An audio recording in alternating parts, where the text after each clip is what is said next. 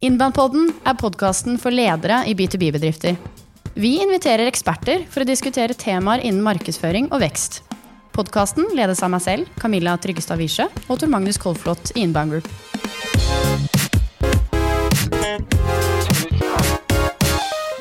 Da er vi tilbake i studio. Yes, det er vi, Arskan.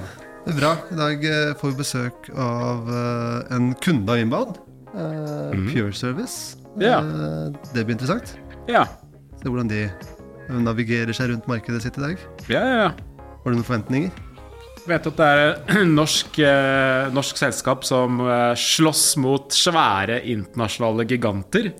Og det er jo litt eh, artig. Jeg kjenner jo ikke selskapet egentlig noe særlig, eller gjesten vår noe særlig, så det blir jo spennende. Eh, men jeg gleder meg. Underdoggen som skal vinne. Ja. David mot Goliat. Definitivt. Så nå skal vi hilse på Goliat Nei, David, ja. Nå er det David. Mm, Yes. David. Ja. Kan virke som Goliat. Men, men vi ønsker da Marius velkommen inn i Mapaden. Hallo, hallo. Takk for det. Hvem er du? Jeg er Goliat, åpenbart. Eh, Nei, jeg er Marius Jones, heter jeg. Eh, Og jeg jobber som eh, COO i Pure Service. Tidligere utvikler og programmerer av Pure Service. Ok. Yes. Og er i dag en mann med mange hatter, og da ansvarlig for eh, markedsføringen og samarbeidet med Inbound. da. Jones, det klinger jo veldig norsk, da. Hva er bakgrunnen der? Eh, Pappa, engelsk. Ja. Så det er Jones det har vært en uh, liten sånn uh, Skal jeg si triks jeg har hatt hele livet. Når jeg sier Jones, så blir alle sånn Jones, det, hvor er det fra? Så det er kult. Så det er pappa som er engelsk. Ellers er jeg norsk, da. Jeg har masse familie i Norge. Så mamma fikk pappa over til Norge? Ja, Jeg vet ikke om vi skal gå inn på historien, men mamma dro til Spania og fant pappa på stranda. Han var bartender. Så, og Den britiske bartenderen i Spania. Så da haika de tilbake til Norge. Ja. Så det var sånn jeg begynte. Ja, ja, ja. Ja. Men Du, jobber i Peer Service, og du, nevner det. Tror, tror veldig mange av lytterne våre og B2B-ledere kjenner seg litt igjen i det òg. Du har mange hatter. Ja. Eh, Og markedsføring eh, er én av de. Yes. Eh, Hvordan, hvordan henger hverdagen Hvordan får du hverdagen til å gå rundt? Ja, eh, altså i, i Pure Service Vi begynte jo eh, som som to-tre personer i et annet konsern langt tilbake. Jeg skal ikke gå hele den, den regla der, men eh, da var jeg utvikler, og underveis, da, som vi har gått fra å være bare en liten tjeneste som vi tilbyr, til å bli et selvstendig produkt, så har vi måttet bygge opp da eh, Pure Service-selskapet, da, sten for sten. Og underveis der så var det Vi var jo ikke så mange, så vi måtte ta på oss de forskjellige hattene. da. Eh, og jeg har syntes at salg og markedsføring alltid har vært spennende, i tillegg til programmering, som har på en måte vært min skal jeg si, min eh, forte i livet. da, At jeg både kunne kombinere det å snakke med mennesker, men også forstå teknologi og utvikling.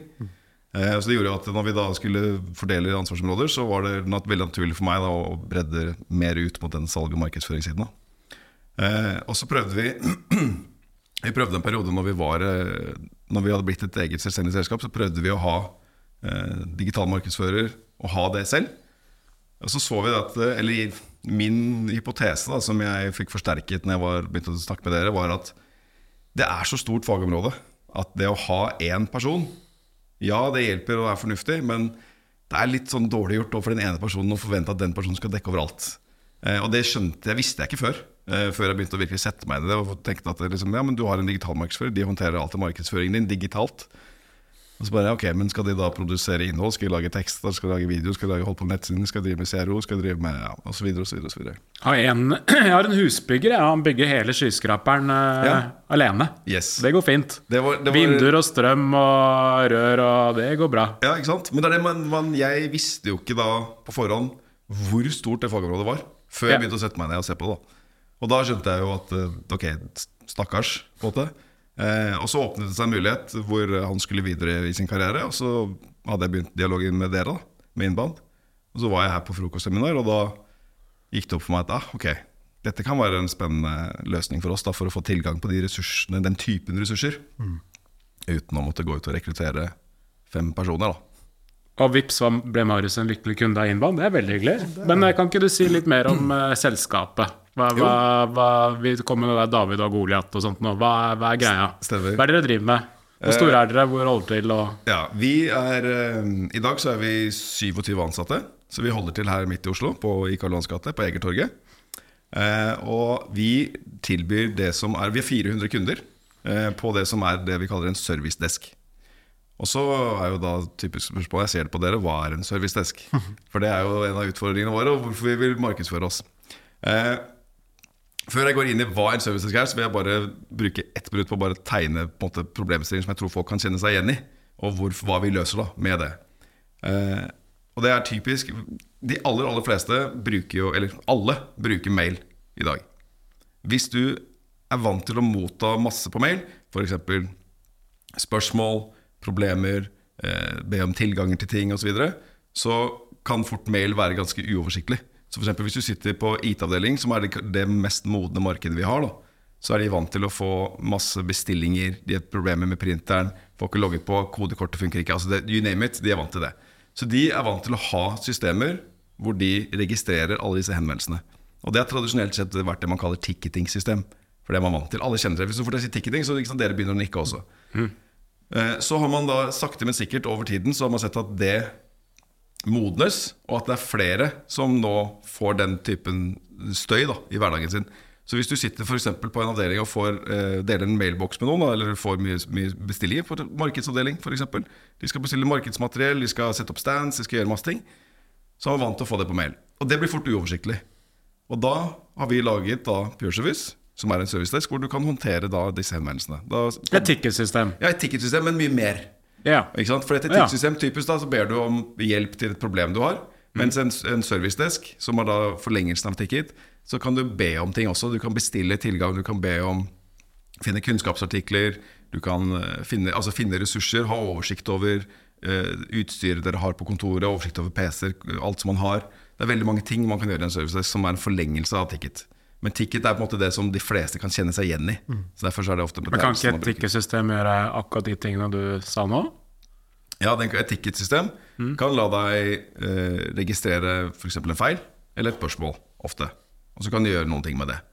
Eh, men hvis du skal samhandle på tvers da, av avdelingen, så la oss si at du kanskje har en økonomiavdeling hvor de får spørsmål om eh, det er noe feil med lønnen min, når får vi lønn, når er det feriepenger, hva har jeg krav på, hvilke rettigheter har jeg? Kanskje du har en HR-avdeling som eh, får personalsaker som, skal, som, er sensitive.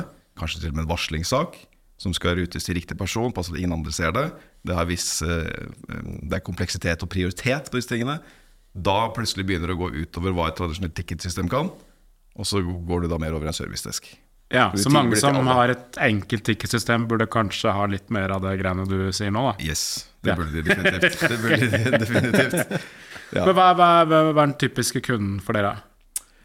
Idealkunden er en eh, den, De som er mest modne, det er jo IT-avdelinger. Så hvis det er en, en, en, eh, virksomhet som har en IT-avdeling som har to til fem ansatte, eh, og så supporterer de ja, egentlig uavhengig antall mennesker de supporterer, så det kan være alltid fra 100 til 5000 ansatte, men som skal melde ifra om ting.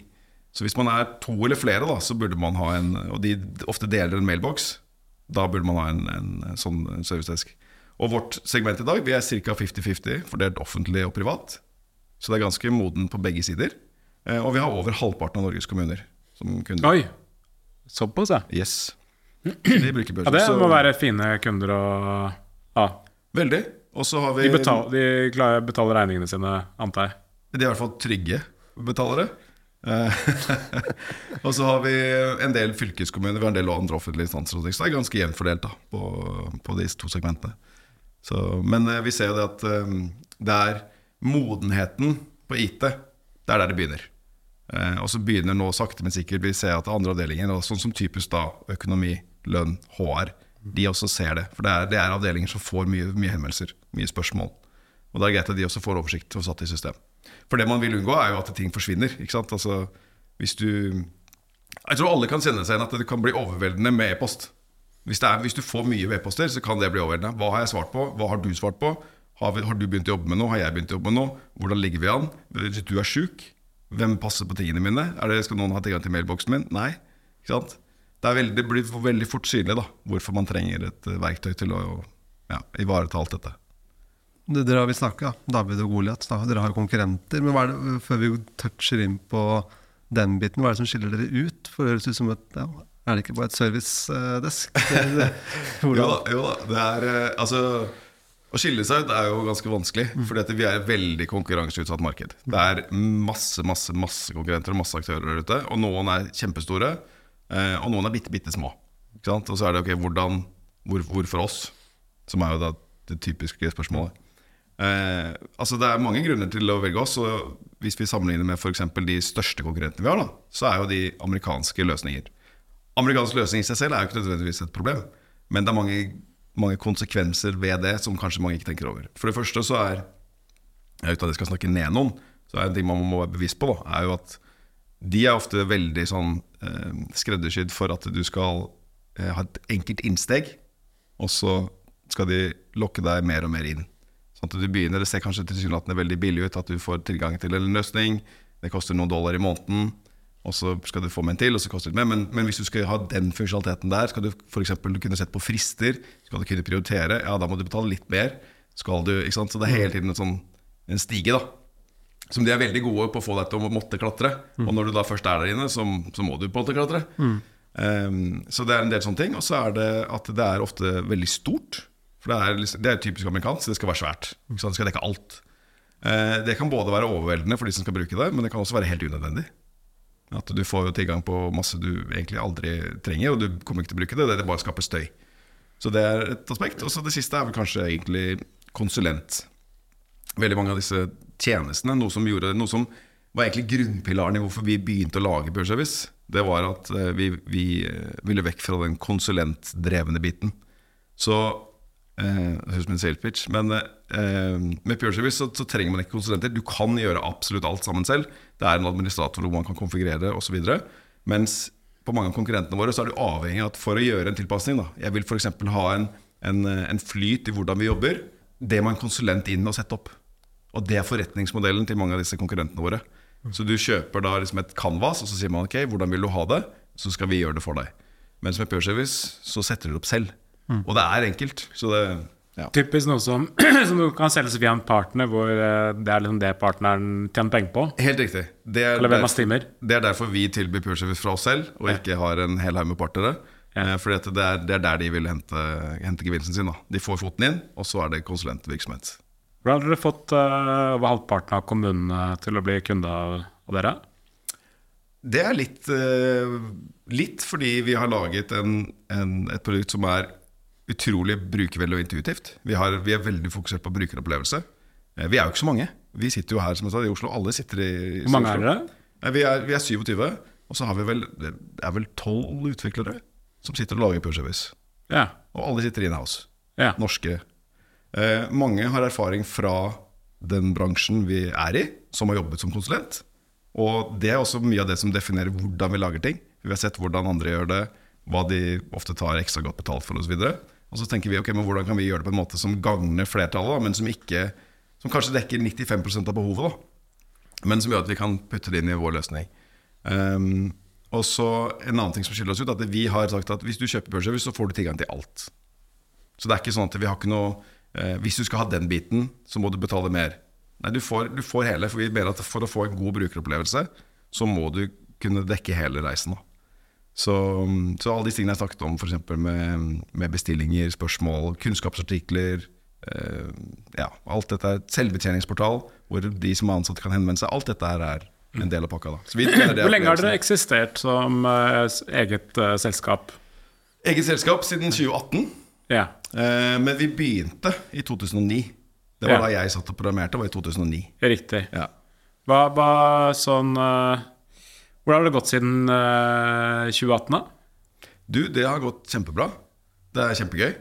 Uh, vi, har, vi, er nettopp ferdig med, med 2023 og har fått masse nye spennende kunder. Det, vi har rekruttert utviklere som har vært vanskelig å finne lenge. Så vi har både hatt vekst på selskapsnivå og kundebase. Så det har gått kjempebra. Hva, hva omsetter dere for, og hva er det på bunn? Vi tenker 40 millioner er det er 43 er det vel eksakt, som er målet for 2024. Ja. Så, og da vi, skal vi sitte med et mellom 10 og 15 ja. det. Ja. Så det går fint. Ja, det er et bra selskap, vil jeg si. Ja. Og, og sånn fremover, hva, hva, hva er planen, ambisjonene i årene fremover? Uh, det er kanskje ikke flere norske kommuner som er uh, Nei, altså? Planene framover, det, det kommer litt an på. Vi, vi, vi vurderte en periode om vi skulle gå inn i Sverige og Danmark. Eh, som var de nærliggende, for vi har kunder i Sverige og Danmark. Vi hadde tidligere Som jeg sa, så var vi jo en del av en annen organisasjon før. Eh, før vi ble eget selskap. Og da hadde vi noen satellittavdelinger i Sverige og Danmark. Som gjorde at vi fikk noen kunder der. Så vi vet at er, måte, vi har livets rett der også. Men så er det det å, å satse på å ekspandere til andre land. Det er risikabelt, det er dyrt, det er eh, Ja. Det er som eh, i mitt første byrå, eh, hvor jeg jobbet i veldig mange år, Idium. Der hadde vi jo Per Boasson, som jeg Vet ikke om du vet hvem han er? Nei. Startet PC-systemer som endte opp i Visma. Han var størst Ja. i Visma uh, før han gikk bort. Uh, men han da var investor i Idium, og han uh, han fortalte meg det da jeg var ung gründer, var sånn eh, 21 år eller noe sånt nå. Så sa han liksom at eh, når konkurrentene eh, gikk ut i media og sa at nå skal de inn i et nytt land, da feiret de. Ja. Da spratt de champagnen, for da visste jeg at konkurrenten ville da bruke veldig mye penger og tid, ressurser, fokus hos ledelsen på å gå inn i et nytt land. Ja. Eh, så ja. Ja, nei, vi, vi landet vel egentlig på at det Kanskje en gang, men ikke ennå. Vi mener at det, altså selv om vi har over halvparten av Norges kommuner, så er det for det første veldig mange som fortsatt trenger et produkt som Pure Service i Norge. Så, og spesielt, som jeg nevnte, når du begynner å tenke på alle de avdelingene som igjen da, mottar henvendelser i en eller annen form. Ikke sant? Det er det som er nøkkelordet. Det er det. Og, og hvis du, så lenge du ja, Får du spørsmål, får du klager, får du noe som helst, så burde dette settes i system. Og da trenger man Pure Service. Så, så markedspotensialet er jo kjempesvart i Norge fortsatt, mener vi, da. Hva tenker du om markedsføring? Er det noe viktig greier, da? Litt. Nei, jeg skal ikke det. Eh, markedsføring er kjempeviktig. Som jeg sa, sa innledningsvis, så, så lærte vi jo på en måte Eller jeg, da. Lærte Jeg vil ikke si det hard way, for det var ikke, det var ikke problematisk sånn sett. Men jeg lærte omfanget da, av hva markedsføring innebærer. Eh, og at verden har endret seg, og at eh, det er ikke lenger det fungerer ikke lenger like godt å på en måte mase, ringe og mase og prøve å finne folk som skal være potensielle kjøpere. Eh, Det er viktig at man gjør det også, men at brorparten, i hvert fall sånn som vi oppfatter det nå, da, er, det er mennesker som, som søker etter informasjon selv. Som vil ha eh, Enten så har de en problemstilling de søker på en løsning på, eller så er de kjent med det allerede og leter etter alternativer. Og så er det det at vi må bygge opp tillit. Sånn at de vet at vi er der, og når de da er klare, så kontakter de oss.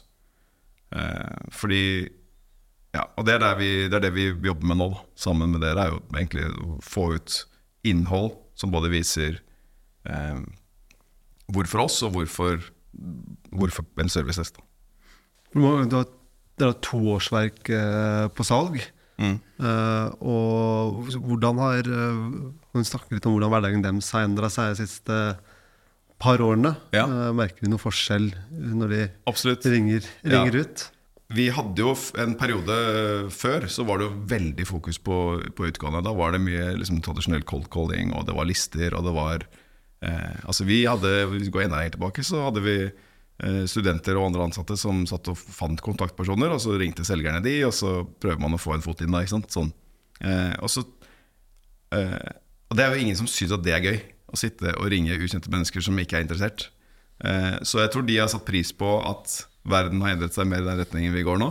Men det er fortsatt viktig å være, ut, å være utgående. For de, det er, eh, du bygger relasjoner, du treffer mennesker som eh, altså kanskje ikke kjøper nå, men som eh, ja, som, som husker deg, da, så kan du følge opp den dialogen. Kanskje sånn, vi har jo nå, vi lukker jo avtaler nå hvor selgeren har kontaktet dem og sagt at ja, dere har dette produktet her, vet jeg. Og så på en måte vi nesten antar at dere ikke kommer til å bli fornøyd, så si ifra når det, når det er timing. Og så har de tatt kontakt etterpå. Ikke sant? Så det, det er viktig å gjøre det også. Men, eh, men de merker, vi merker også det på, på de salgene vi har, at eh, fler, flesteparten kommer jo innkommende. Og den, så den har jo endret seg. Den, eh, det er veldig viktig at de nå er faglig sterkere, mer enn at de er aggressive, utadgående selgere. Så, og der er våre gutter veldig flinke. De Hvor, hvorfor, det, tenk, hvorfor tenker du det, egentlig? Eh, Er det ikke bra å være litt aggressiv, være på, ringe masse og Være, ja, være på. Ja, sikkert i noen segmenter, kanskje. Men jeg tenker at det, vi har lært, er at når du har et produkt som det vi har, som er en, en, en SAS-løsning, det er en applikasjon som du abonnerer på, eh, så er ikke det noe du bare stort sett bytter ut på dagen. Det er, og det er gjerne noe som du har implementert, kanskje integrert med alle systemer. Du har, du har en, en, en prosessflyt internt som alle ansatte kjenner til. Så å bare liksom si ok, vi, i morgen gjør vi noe annet, eh, det er ikke så lett. Og Det er også en utfordring som vi har når vi skal inn.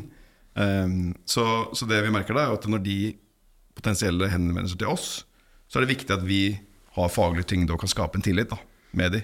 Så da, da sånn, de problemstillingene som, de, som blir kasta på de selgerne, det er ikke, det er ikke småtteri. Det er, sant, det er jo det, En potensiell kan skissere liksom, okay, her er, her er hvordan vi jobber.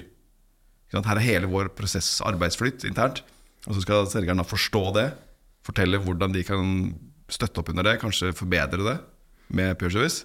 Da bør det være Da burde du vært ute en vinternatt før, da. Hvordan opplever du konkurransen egentlig mot alle disse store utenlandske aktørene som Ja. du slåss mot? Det er jo en som jeg nevnte, det er jo en hissig konkurranse, for å bruke det. Det er, det er store store budsjetter på markedsføring.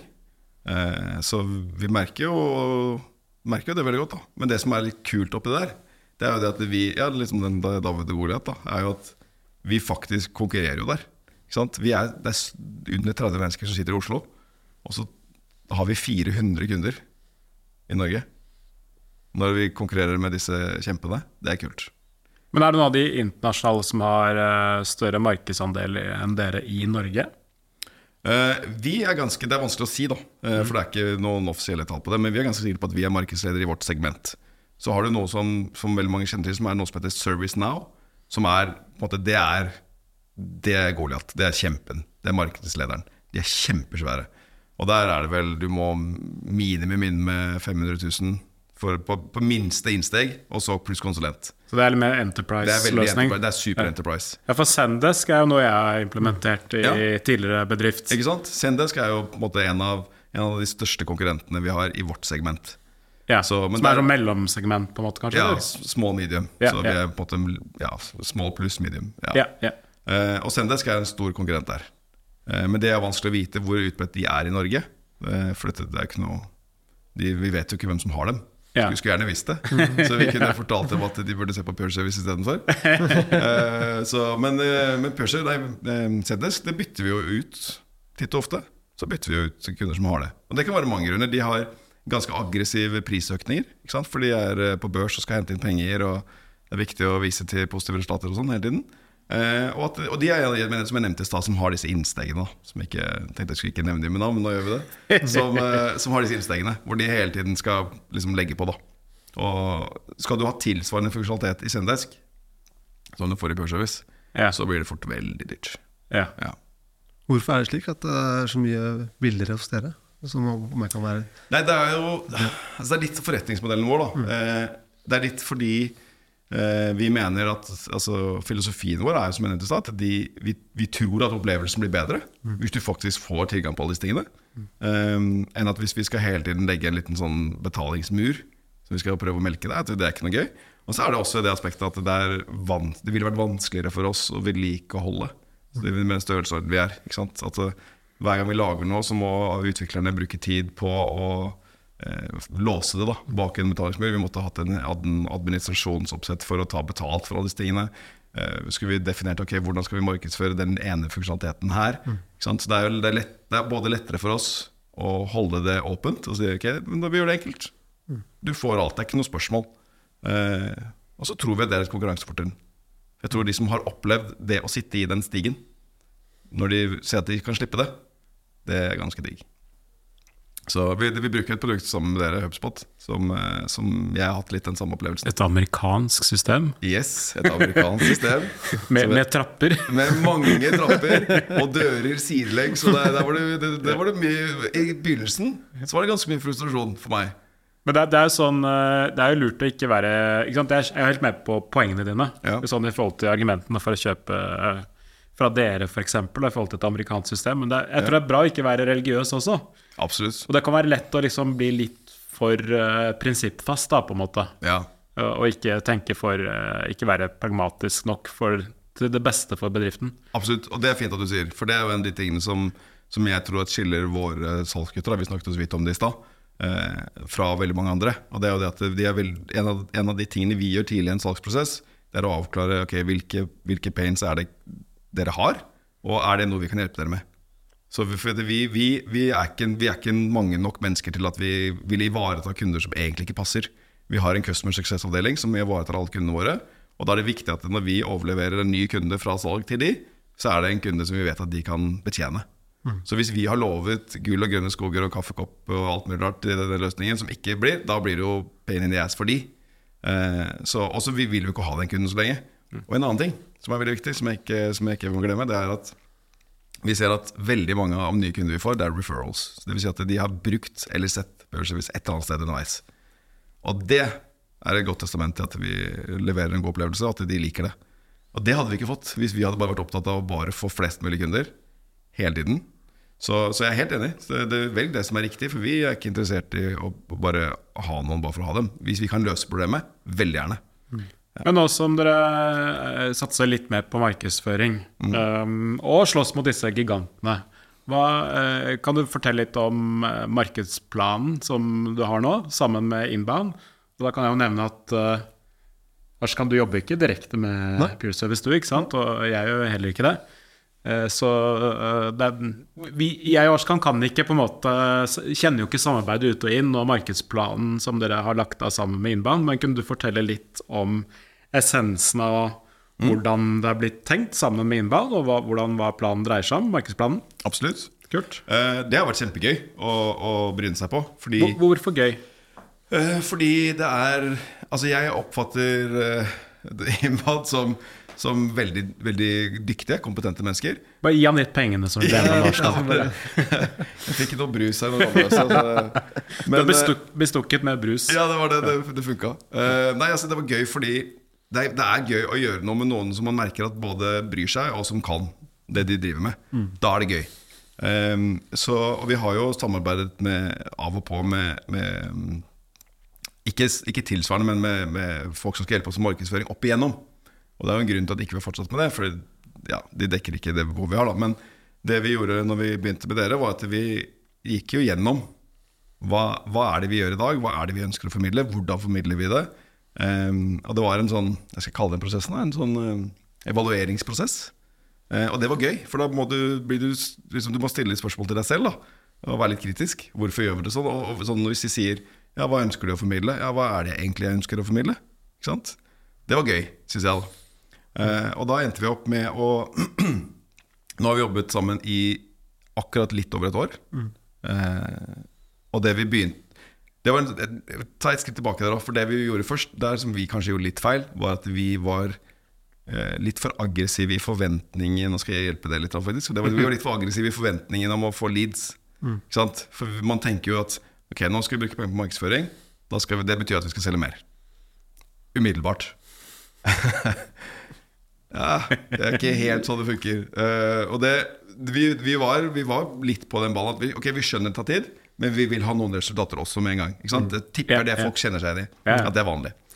Og så har vi da sakte, men sikkert skjønt at okay, men her som jeg sa i stad, det handler jo om her og mer. Vi må, vi må, ha tillit, vi må vise oss fram, vi må eh, tilby faglig innhold, sånn at folk eh, vil, vil komme til oss. Så det som er nå, da, det vi, er vi, sånne, vi har sånne tremånedersplaner. Dette er sikkert vanlig som dere gjør med alle men vi har en tremånedersplan. Um, og der, nå har vi holdt på med en kampanje som heter 'Saken er løst'. Uh, så nå har vi hatt merkevarebyggingsfokus uh, de siste, siste, månedene, som vi har også da ut mars. Uh, og den har vært kjempegøy. Fordi da har vi eh, sammen med dere laget en, en, videoserie Eh, hvor vi da handler om en saksbehandler som heter Frode, som, som blir avhengig av å løse saker. Eh, for det er så lett. Så han får, han får, han får liksom et kick, da adrenalinkick, hver gang han gjør det. Eh, og det er en sånn leken variant som vi aldri har tenkt på eh, selv. Fordi IT og servicedesk når man snakker, kan, kan, kan, fort bli litt sånn traust å snakke om. Det er, ikke, det er ikke lekent tema. Eh, men når du da prøver å gjøre det lekent og litt sånn useriøst, så var det litt sånn vondt. For du liksom, du, du skal, jo bruke penger på det, du skal stå for det, du skal reklamere for det og annonsere på det. Eh, så det, det var, men det syns jeg var gøy. Og det var bare utfordre på den måten her. da den, den kampanjen går nå, og det, går kjempe, det er kjempemorsomt. Masse, Vi har eksplodert lesetiden på nettsiden, og annonsene funker. Og det er liksom et eller annet som treffer der. da så, Men det er også fordi vi har et slagord som er godt, som er da 'saken er løst'. Som vi føler at klinger litt bra. da Så, hvor, går den, hvor, hvor, smalt eller bredt går den kampanjen ut? Eh, den, videoene går på alle sosiale medier. Så, og det er jo vi, vi er jo, altså Med B2B så er det jo stort sett LinkedIn og Facebook som er på en måte de vi bruker på det. Det er der vi finner våre, eh, vårt segment. Mm. Og så har vi nå kjørt eh, bannerannonser på egentlig der hvor det kan være relevant, så Digi og Tech og 1881 og Proff, og liksom der hvor vi finner beslutningstagere mm. og andre som kan være aktuelle å treffe. da ja, altså jeg, plutselig så, så jeg annonsene var på proff.no. Ja, ikke sant? Faktisk. Ja. Ja. Vi har kommet mye opp på proff, ja. våre egne selgere. Og så sier de oi, der var vi igjen, på proff. Vi sjekker jo selskapsverdier og størrelser og sånn. Ja. Det gjør noe med interne stoltheten også, når du ruller ut en sånn merkevarekampanje? Ja, ja. Også, ikke bare det. For, for, det første så er det noe kult å se det, men også når vi har vist det internt, og vi har hatt med noen av de ansatte til å bli med i videoene og litt, gjort litt sånne ting, eh, det er klart det, det bygger spirit. Mm. Ja. Så, men det, det, vi er jo midt i den, da. Det men det er ikke liksom... reklame som går ut til hele Norges befolkning? dette her? Nei. Det er ikke en superbred B2C-lignende kampanje? Nei, det er det ikke. Selv om det er merkevarebyggende? Nei, det er det ikke. Ja. Vi Vet du hvor stor liksom, målgruppa er på disse tingene, eller? Ja, på kampanjen? Ja. Nei, det husker jeg ikke på sånne fot. Altså, når vi, når vi, når vi sitter og netter ned eh, hvem som er potensielle prospects, så tar vi som jeg sa, så tar vi IT-avdelinger fra to-tre ansatte oppover. Eh, opp til, også gjerne da opp til 50-100 ansatte. Så er det fortsatt folk som bruker Bearservice, men da begynner du kanskje å ha et behov som er eh, for Enterprise. da. Eh, så det, er en annen kan bare sidespor inn på det, eh, som er greit å tenke på. er jo at det, eh, for Hvis man hører på er store, da, det er jo ikke størrelsen på bedriften som bestemmer eller avgjør om de burde gå for noe som ServiceNow eller PureService. Det er jo behovet deres. For en veldig stor bedrift kan ha ganske enkle behov. De kan være strømlinjeformet på en måte som gjør at det de, det de, trenger, er ikke så komplekst. Mens noen kan være veldig små og ha superkomplekse behov. Mm. Så det er som gjør at de matcher den ene eller den andre bedre. Ja. Bare ja. nevne det. Ja. Mm. Det er uh, touch inn på det, jeg tror Tor Magnus også pirka inn i òg, at eh, jeg tror veldig mange sitter med oppfatning at når du skal ha en merkevarebyggende kampanje, så er det en ekstremt dyrt. Eh, mm. Du skal nå ut i hele Norge. Uh, og så glemmer de da, den der klassiske Hva skal man si uh, Glemmer hvorfor du skal gjøre det. Du skal bygge kjennskap og kunnskap imot målgruppen din. Mm.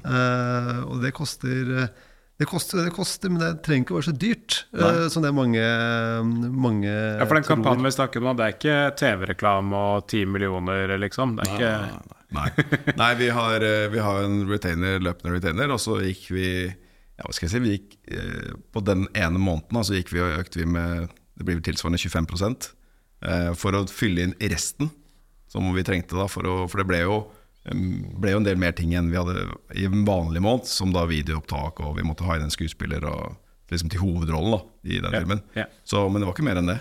Eh, og resultatet har blitt kjempebra. Så, men igjen så var da fordelen Eller egentlig en av grunnene til at vi valgte å samarbeide med dem, var jo nettopp det at vi fikk disse forskjellige typer ressursene som en videoprodusent. Det hadde vi aldri hatt på egen hånd med 30, under 30 ansatte. Ja, ja.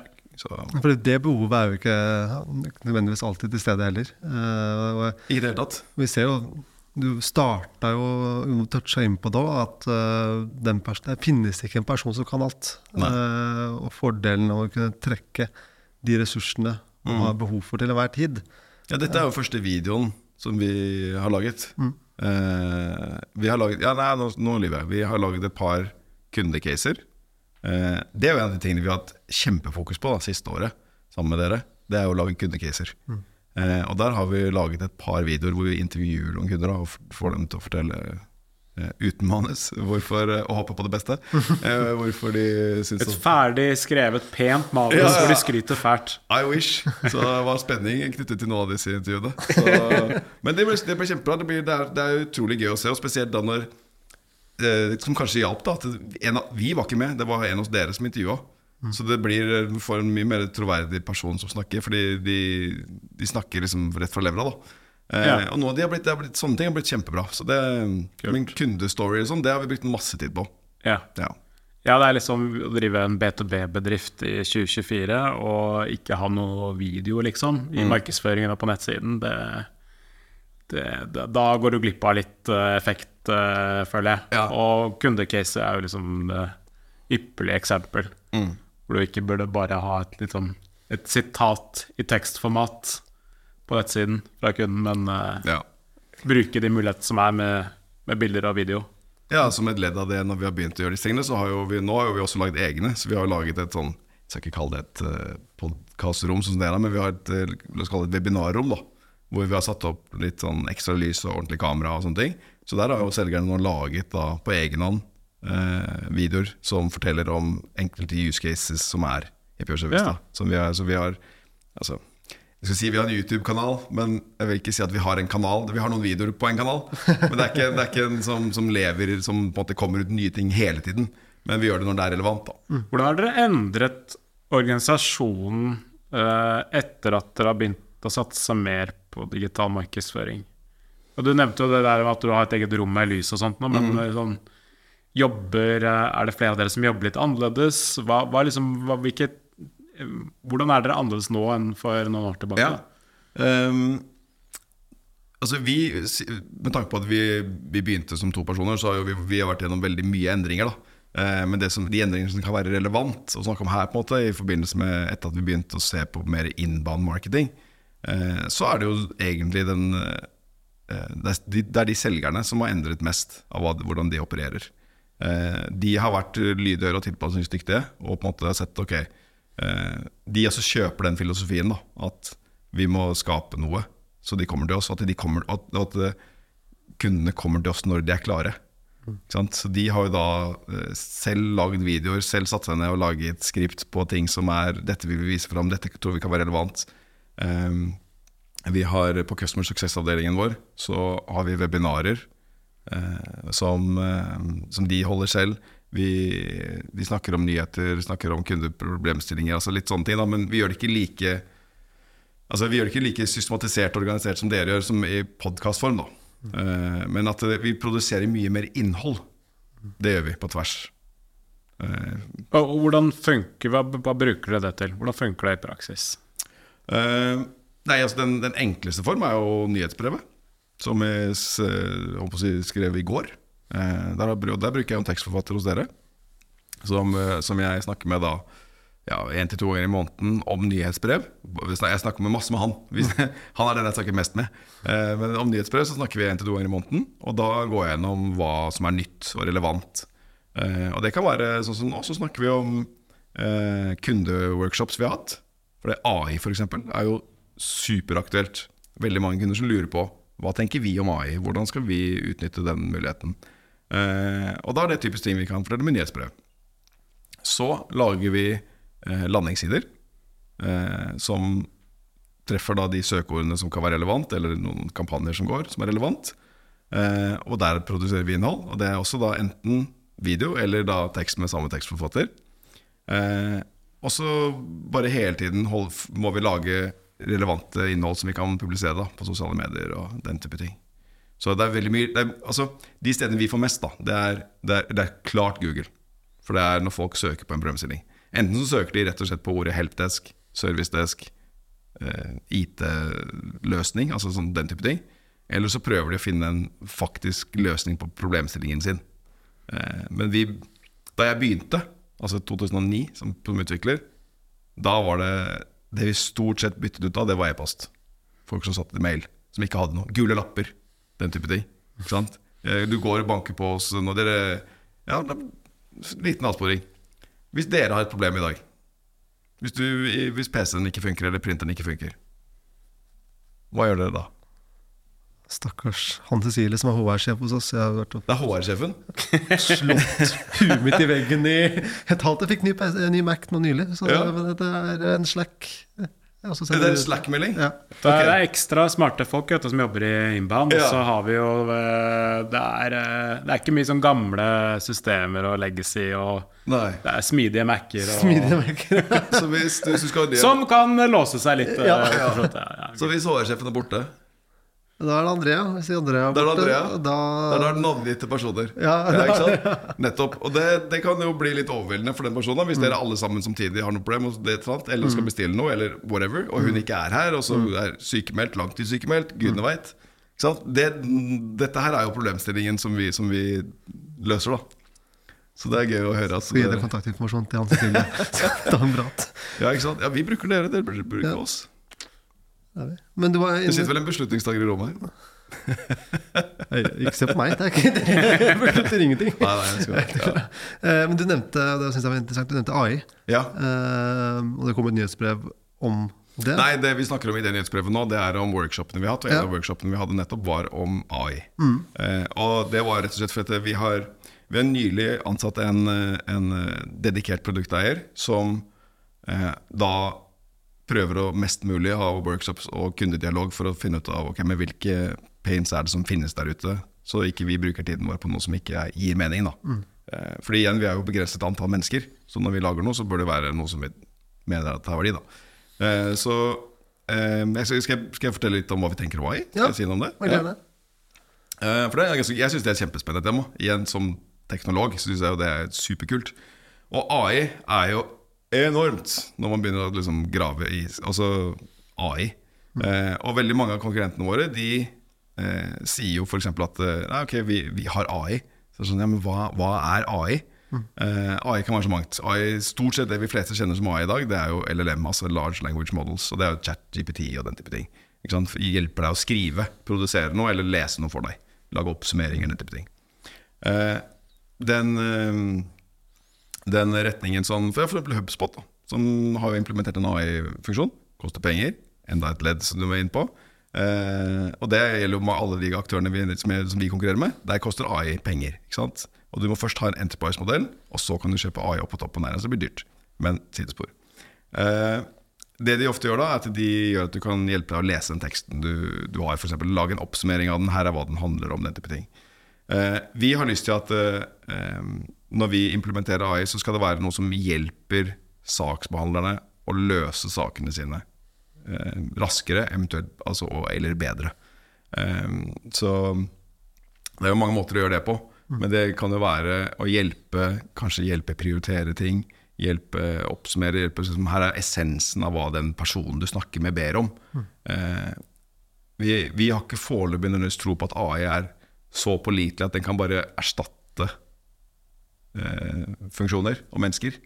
Eh, for det, det er mye feil, så du trenger et menneskelig aspekt inn der. Men at den kan hjelpe deg Hjelpe deg å jobbe raskere, hjelpe deg å jobbe mer effektivt. Og si ok, eh, dette er et problemstilling som dere har opplevd før. Kanskje dette her er den samme type tingen. Eh, før du begynner å sette deg inn i saken og grave, så kan den allerede ha sagt til deg Jeg lurer på om dette har du gjort før. Ikke sant? Eh, hvis det er ting som er gjengangere, så kanskje si ok, men her, er, her kan vi hjelpe deg å lage en artikkel om det, men som du må lese over og se da, før du publiserer. Sant? Lage en sånn person, en, en, noe som kan hjelpe deg. Da. Det er vår, blir nok vår tilnærming til det. Eh, men så må det gjøres riktig, da, for at du får jo én sjanse til å lage noe nytt. Fordi hvis den er dårlig, så blir du ikke adoptert. Nei. Ikke sant? Så ja. Så Jeg merker dette AI i vår bransje òg. Jeg tror jo at de byråene som skygger seg unna og ikke tør å ta i bruk AI, kommer til å henge etter på sikt. Det Ja. effektiviserer hverdagen vår ekstremt. Jeg snakker podkast nå, vi kutter ned enormt på tid Mm. på å klippe pod. Ja. AI bare fikser det. Ja. Eh, Meg selv inkludert. Eh, Jeg får litt OCD når jeg ser på slides som er litt skeive. Ja. Så er det sånn plug-in på Google som bare trykker på, som bare retter Rett på meg. Eh, og, og kan produsere slides. Så det også kutter ned tiden jeg bruker på det. Mm. Så jeg tror AI kommer ikke til å erstatte mennesker, for ikke nå. Eh, og det er et stykke unna der. Ja. Eh, men det kommer til å erstatte de som velger å ikke eh, Ikke sant? på sitt eh, omfavne det. Ja. Eh, og- Brukt riktig så kan det være et kjempefornuftig verktøy. Definitivt. Eh, Men det er et verktøy. Det er Nettopp, ikke, nettopp. ikke sant? Ja. Eh, og det, det er jo som at du må, du må bruke det, du må prøve. Eh, du må prompte det mm. riktig. eh, og så må du Du må lære å skrive god prompt. Definitivt. Hvis ikke så blir du ubrukelig. Definitivt. definitivt. Så det er vår Altså, ja det, skal jeg si, det er vanskelig å si hva det blir, men det er, liksom, det er vår tilnærming til det. da At vi ser på det som et, som et hjelpemiddel, og at vi har lyst til å bruke det som et hjelpemiddel. Mm. der hvor vi tenker at det er mest hensiktsmessig. Og igjen da, tilbake til slagordet 'saken er løst', og det er å løse sakene. For det er jo det vi vil. Vi vil at du skal, du skal ikke ha en sånn evig to do-liste med ting som står og henger, og problemstillinger som ikke er ferdig. Vi vil at når du, når du bruker Purservice, så skal du med den oversikten du får, bli ferdig. Løse sakene dine. Uh, ja. Hvis du kunne spole tiden fem år tilbake, hva Ja. hadde du gjort annerledes da? Ehm, hva hadde gjort annerledes? Det er, det, er veldig, det er gøy å være litt sånn etterpåklok, da, men eh, en av de tingene som vi har brukt mye tid på, det er at eh, Pure Service har jo gått gjennom sånne generasjonsskifter som, som programvare opp igjennom. Eh, og er det fem år siden, da? Så vi begynte sånn omtrent akkurat. Hvor vi eh, på en måte begynte å skrive om koden vår, hele, hele løsningen, for å gjøre den sånn det som kalles distribuert på nett. Vi kjører, det, altså vi kjører i sky, men du kan også kjøre det lokalt. Så kundene våre kan velge. De fleste av kundene våre nå kjører i sky på norske datasentre, og så alt av sikkerhet og datasikkerhet er ivaretatt osv. Og, og det er god responstid osv. Mens noen liker å ha det lokalt installert. De vil ha kontrollen selv. Det er fortsatt en del som vil det. Så det er et konkurransefortrinn vi har. Det vi gjorde da for den tiden, var at vi, vi tok på oss typisk sånn IT-prosjekt. At vi tok på oss at vi skal skrive om den koden for å gjøre den hypermoderne i bånn. Det tar alltid lengre tid enn du tror. Ikke sant? Og vi var sånn Ja, vi gjør det på et år. Mm, gjorde ikke det. Eh, så vi er i mål med det. Så vi, vi kjører på helt nydelig, topp moderne kode, for å bruke på en enkle begrep. Eh, men det har jo vært en reise, da. Ikke sant? Og den reisen har jo da kanskje gått på bekostning av at ja, vi kunne kanskje lagd noen kulere funksjonalitet tidligere. Sånne type ting. da eh, At man, Det er så typisk IT, og, og du undervurderer omfanget av det prosjektet du begynner med. Alltid. Ja, Og spesielt i programmering. Ikke sant? Det bare, vi, skal bygge, vi skal bygge det huset, da, som du nevnte i stad. Sånn, ja, det, vi gjør det på en måned. Nei. Men, men, men svarer du egentlig på spørsmålet mitt nå? Jeg vet ikke, gjorde jeg ikke det? Spor, spora jeg, ja? Nei, nei, det er sånn, eh, Hvis du kunne dødd, eh, gå fem år tilbake, Ja. hadde, hva hadde du gjort annerledes? Ja, ja, ja, ikke sant? Ja, og, og hvordan hadde jeg gjort det annerledes eventuelt? Eh, teknisk gjeldssammenheng så hadde vi kanskje angrepet det annerledes. Fra organisasjonens ståsted så hadde vi nok eh, dette høres ut som en, sånn bait-in til, til dere for å selge, det er ikke det, men jeg tror nok jeg hadde nok begynt strategisk på markedsføringen litt tidligere på innhold, hadde jeg gjort. Det, der var jeg nok litt sent ute med å forstå verdien av det. Eh, vi har klart oss fint, vi har jo fått masse nye kunder, masse spennende kunder og hatt fin vekst osv. Men, eh, men eh, jeg ser jo at den Det er jo mange år siden jeg først leste om inbound-metodikk. Ikke sant, Første gangen. Eh, så det hadde Men Når vært fikk du liksom litt aha-opplevelse, tanker, egentlig, der da? Når jeg fikk den ordentlige aha-opplevelsen, det var på frokostseminaret. Altså, Ashkan. Som vi har hver eneste måned, som kan melde seg på på innbad.no. Det er en religiøs pod hvor vi tar de nyfrelste inn. Ja, det, er- det, er- det, er nesten noe dårlig gjort, for det høres ut som jeg er blitt bedt om å si det, men det var ikke det. For det var som sagt Vi sitter jo altså, vi, vi satt to minutter gange fra der hvor dere hadde kontorer tidligere.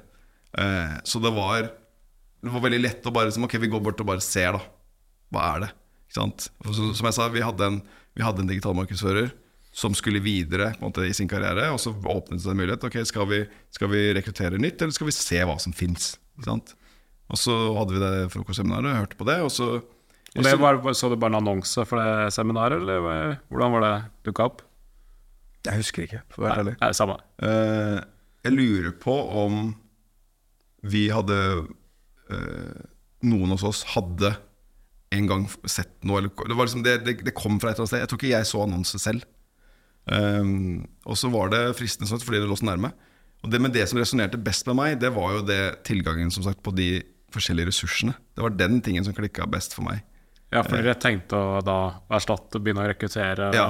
Og, hva skal vi gjøre da i så fall? Ikke sant? Og hva slags person skal jeg da finne? ja, ja, ikke sant. Ikke sant? Og så plutselig bare Nei, men jeg, jeg trenger jo ikke det. Ikke sant? Ja. Og, og så Det er bare å ansette en som er god på markedsstrategi, videoproduksjon, sosiale medier, eh, design, søkemotoroptimalisering eh, performance marketing. Er, det er jo bare det. Ja, det er bare det. Og så tenkte jeg istedenfor å begynne å skrive den annonsen Det ble så veldig mange kulepunkter. Ja, det ble så slitsomt. Det var det jeg orka ikke. Ja. Så det var det som resonnerte godt med meg. da Og så ble vi enige om at eh, vi tok en runde internt. Og så la jeg det fram som at dette her har jeg tro på. Jeg tror dette her kan være fornuftig for oss. I hvert fall i den posisjonen vi var. Eh, og så fikk jeg gehør for det. Så tenkte vi ok, vi prøver. Hva, hva er det verste som kan skje? Det, ja. Så, og nå er vi jo veldig fornøyd med det samarbeidet, for å få sagt det også.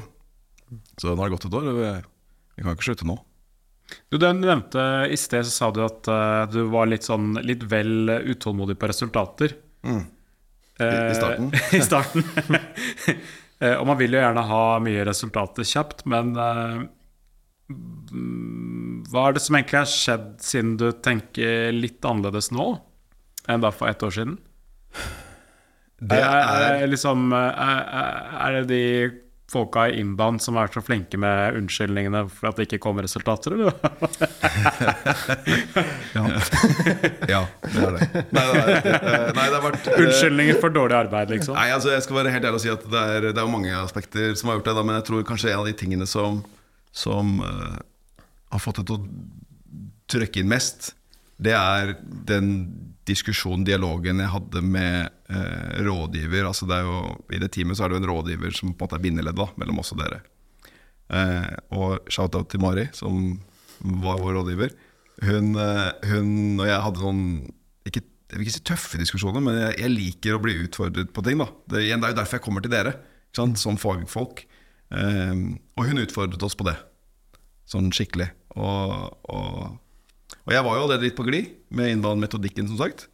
Så det hun sa, ga mening. Og, da, og jeg tenker ok, la oss prøve, da. Fordi det vi har gjort, har gitt resultater, men ikke det vi ønsket av resultater. Ok, Skal vi bare stå og stampe på det da og håpe at det Ja, for det er naturlig da, å bare kutte Ja, og gjøre noe annet. ja eller ja. prøve noe annet, da. Ja. Prøve en annen vei før man kutter.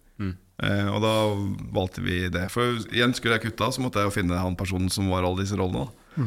Så det var, lett, var, lettere å gi dere sjanse til å prøve å, kjøpe det hun sier. Ja, ja, ja. Eh, så, men, altså eh, hun, Men hva, hva, er, hva er essensen av det hun kommuniserte til deg da? Eller som du kjente litt ekstra på da?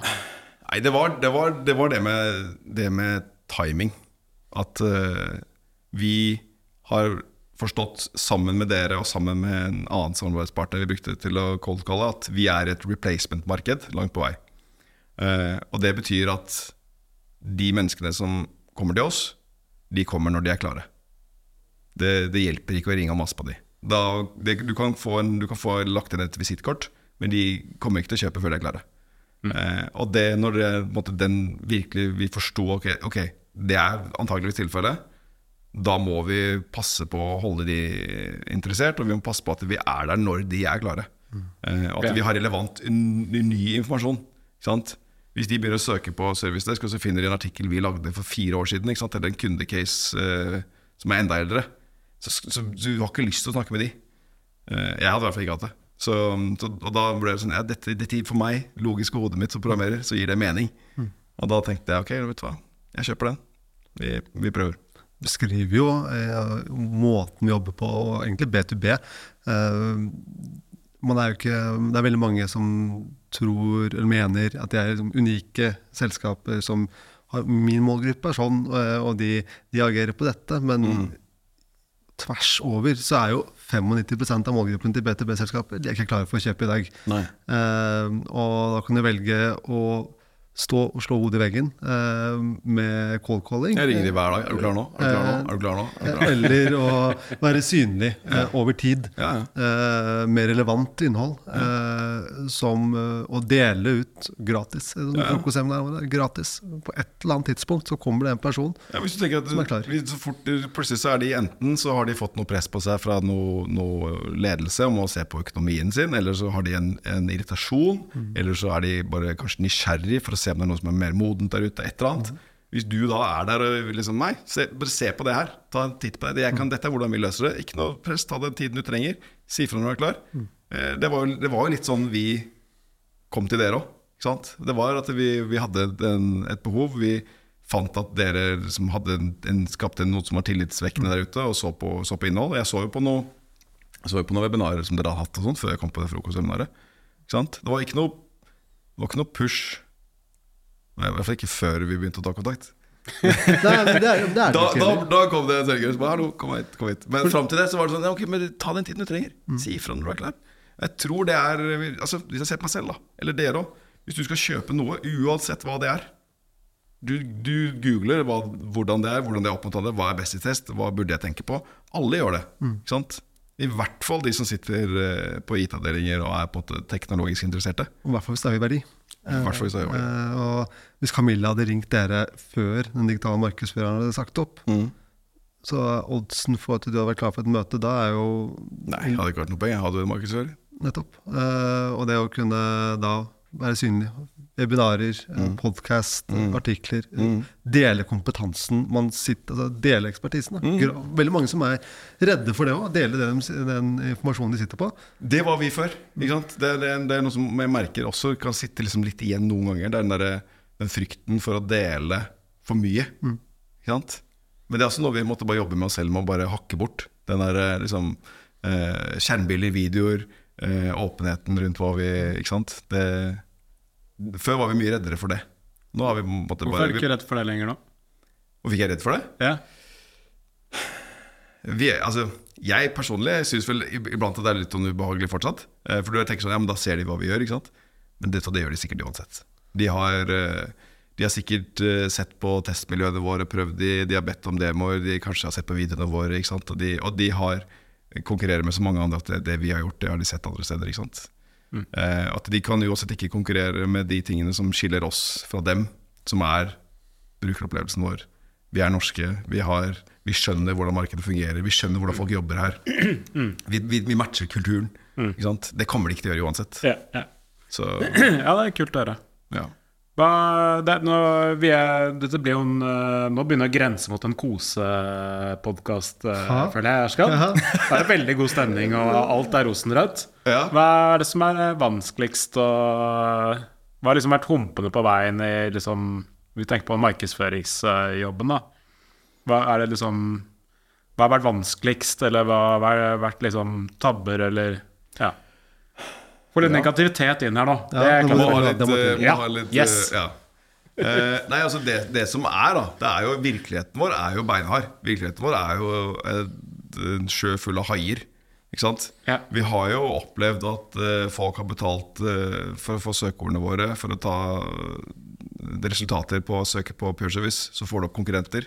Ja, Ikke sant? Ja. Og betalt mer fordi de har høyere budsjett, og kan liksom ta den posisjonen. Da, da, når det har skjedd, så er det sånn opp gjennom årene, så har jeg ringt konkurrenter konkurrentene og spurt om de kan kutte ut. Det har vi også. Og da har de sagt ja, alle Ja. sammen. Yes, det har vi også gjort. samme vi, har ringt, vi har ringt, og Ja. vi har ringt på en måte sånn Nei, vi ser og det vi ofte, eller Det er ikke så ofte gjort at det har skjedd, men de gangene det har skjedd, så har ofte den vi har ringt, og vært f.eks. daglig leder, og da gjerne fra daglig leder. Eh, og den personen sier at Oi, nei, det var ikke den personen klar over. Jeg ikke om de er det eller ikke, da. Men har sagt det skal vi, det skal vi slutte med. Fordi de aller fleste Det er et litt sånn skittent spill. Eh, men de, når de blir tatt på det, så, så gir de seg. Ja. Så det har vi opplevd også. Ja. Så, og nå skal det ikke bli rosenrødt, da. Men, eh, men vi har, det må man passe på, da. For det er jo ting som skjer. ja. Eh, og så er det Nei, så er det jo det at vi, vi sant, i, den, I internasjonal sammenheng så er jo vi små, ikke sant. Så det er lett å forsvinne, da. Eh, så det er jo en konstant jobb. Det er jo, det er jo det er mye jobb, er det, å holde seg relevant. Det Er det jo- sånn man, at siden konkurrentene er så store at uh, liksom selv om du driver med smart, uh, smart innhold og gode markedskampanjer, så drukner man litt fordi konkurrentene er så svære? Ja, altså de har jo de har jo webinar, altså, Du nevnte Sendes da, i stad. De er jo en markedsføringsgigant. Der er det jo, får jo tilgang til forskjellige typer webinarer og seminarer og videoer og guider og how-tos. og altså, eh, Du renner ned. Men kanskje ikke jo- på norsk, eller? Nei, det er ikke på norsk. Nei. Eh, de er på engelsk. Og det er jo selvfølgelig også en, en fordel for oss. da men, men, eh, men hvis du skal prøve å skille deg ut blant de, For mange, mange bryr seg jo ikke om det er norsk. For noen så er det bare sånn at de skal bare ha en løsning. Ja. Og da da er jo den De er jo top of mind. Topp, topp, top of mind. Ikke sant? du, Hvorfor valgte dere Sendesk en gang? Det, det så ut som det var det som gjaldt, Ja, ikke sant? med min eh, kjappe research. Ikke sant? Fordi at de har bare blæsta internett. Så når du søker, så er de der. Uansett hva du søker på, så er de der. Ikke sant? Hadde en fin samtale med annonseringsspesialisten vår, ansvarlig, eh, Sondre, vedrørende det med selskapet som kjøper andre søkeord. Nå er vi farget av at vi jobber med det. Eh, men vi tar oss selv i at hvis, hvis jeg søker etter noe, og da har en konkurrent kjøpt det søkeordet, så trykker jeg konsekvent på den. Så kan du få betale for det klikket. Ja. Og så går jeg ut igjen. Ja. Eh, det ble ufint. Det er skittent. Ja, Eh, og det, det er, eh, eh, Det bygger ikke tillit, om man kan si det sånn. Ikke det hele tatt. Det hadde jeg på hjertet. Ja. ja, nei, men jeg støtter. Alle måneder drar. Ja, takk. Ja. Men har du noen, eh, noen mer eh, humper som du kan dele, eller? Jeg altså Som jeg sa, så hadde vi jo en, en digital markedsfører som, som på en måte var strukket alle veier. Eh, det funka jo ikke, ikke når man ser tilbake på det. Eh, jeg vil jo ikke legge den på han. Eh, kanskje han prøvde å si ifra, for alt jeg vet. Jeg husker ikke det. ikke? Jeg tenker ikke tilbake på det nå, men, men det funka jo ikke. ikke? Så det er, jo sånn, det er jo synd å tenke på hva, hva gikk vi glipp av, eller hva har vi gått glipp av underveis der. Vi er et replacement-marked nå, men vi var jo ikke det. Hva hvis vi hadde gjort dette før? Mm. Det, det, den vil jeg ikke tenke så mye på. Nei, nei, nei, det er best å tenke Ja, fremover. vi, er- vi er i gang nå, Ja, så ja. vi skal fremover. Konsentrere oss om det vi kan påvirke. Yes. Det er eh, nå og fremover. Yes, så Ja. den, er, den, er litt sånn, den er litt sånn ubehagelig å tenke på, men eh, ja. Ja, ja. Eh, Men utover det så har vi jo ikke Vi har hatt så mye humper i veien, altså sånn markedsføringsmessig. Vi har jo ikke det. Altså eh, Vi har Vi har liksom En ting som vi har vært gode på, da, alltid, på alle arenaer, altså ikke bare på markedsføring, men på utvikling på salg og på kundebeholder og alt sånt, er at vi, er utrolig gode på å få til mye med de menneskene vi har. Eh, så nå ble det rosenrødt, da. Men, eh, men det er vi faktisk. Ikke sant? Vi hadde én person lenge, og det holdt det flytende på markedsføringen. Vi har tolv utviklere. Vi konkurrerer med Sendex, som har 100 000 utviklere. Men vi konkurrerer med dem, og folk velger oss framfor dem. Så, så det er, det er, vi, har, vi, har, vi har flinke mennesker, da. Det er det som er måte, avgjørende for oss. Ja.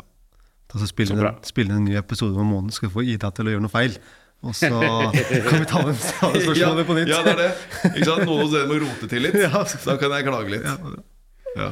Kanskje jeg skal prøve å sabotere litt for å skape litt føss. Føle at vi lever litt, da. Ja, nei, nei, nei. Kjenner at du lever litt? da? ja. Nei, helst ikke. nei. Vi dropper det. Nei, nå har vi god flyt med, med Saken er løst-kampanjen, så la oss holde den gående. Er du grei? Jeg så jo den ene videoen for en måneds tid siden. Det var jo veldig artig, da. Han som får gåsehud av at uh, Får adrenalinkick, og Ja. pupillene utvider seg og gåse, uh, ja, ja, ja, ja, Ved at uh, han får sendt eh, denne henvendelsen riktig sted, eller hva det var for noe. Jeg husker Ja, han, han løser den. Han løser løser, saken. Han da, han løser saken veldig smidig. det jeg sa det til, til Oskar i stad, at det Jeg hadde aldri forventet at når vi lagde de videoene, at de skulle bli på en måte så morsomme at folk faktisk skulle le. Jeg tenkte at det, jeg tenkte at det kommer litt sånn, sånn, sånn neseblås og litt sånn ja, artig. Men de videoene, folk ler av dem. Og det, det er kult. Det er. Da har vi truffet uh, på humoren. Så det, Ja, ja. Standup skal vi begynne med. Ja, nei, men Da oppfordrer folk til å titte Ser man dette her på nettsiden, eller hvordan er det man eh? Ja, altså jeg vil jo anbefale alle som hører på og tenker at dette kan være et aktuelt eh, å ta titt på, er å gå inn på nettsiden vår, pureservice.com, Ja. eh, og eventuelt eller, eller kontakte meg. Pureservice.com, det hørtes jo veldig amerikansk og svært ut, da. Ja, jo, det kan du si. Vi, eh, Eller funker det, skriver du .no, kommer du inn på da, Ja da, du kan skrive pureservice.no. Ja, og da, kommer det- norsk eh, da kom- informasjon. Alt, alt er på norsk. Ja, ok, alt okay. er på norsk. Ja. Uh, løsningen er på norsk, alt er på norsk, all dokumentasjon er på norsk. Alt av sikkerhetsinformasjon, veiledning, kundebehandler, support. Support sitter i Oslo. Alt er norsk. Alt er norsk. Men du har navn og domene klart for internasjonal ekspansjon. for, for, for vi, har, vi har Sverige og Danmark og Finland og vi har masse greier. Så vi hadde, vet du hva? Vi hadde faktisk før, det har vi ikke lenger, vi hadde Pure Service på samisk. Vi hadde samisk Yes. høyskole. Eh, så en av kravene deres var at det skulle være på samisk. Da hadde vi en oversettelsesrutine med de.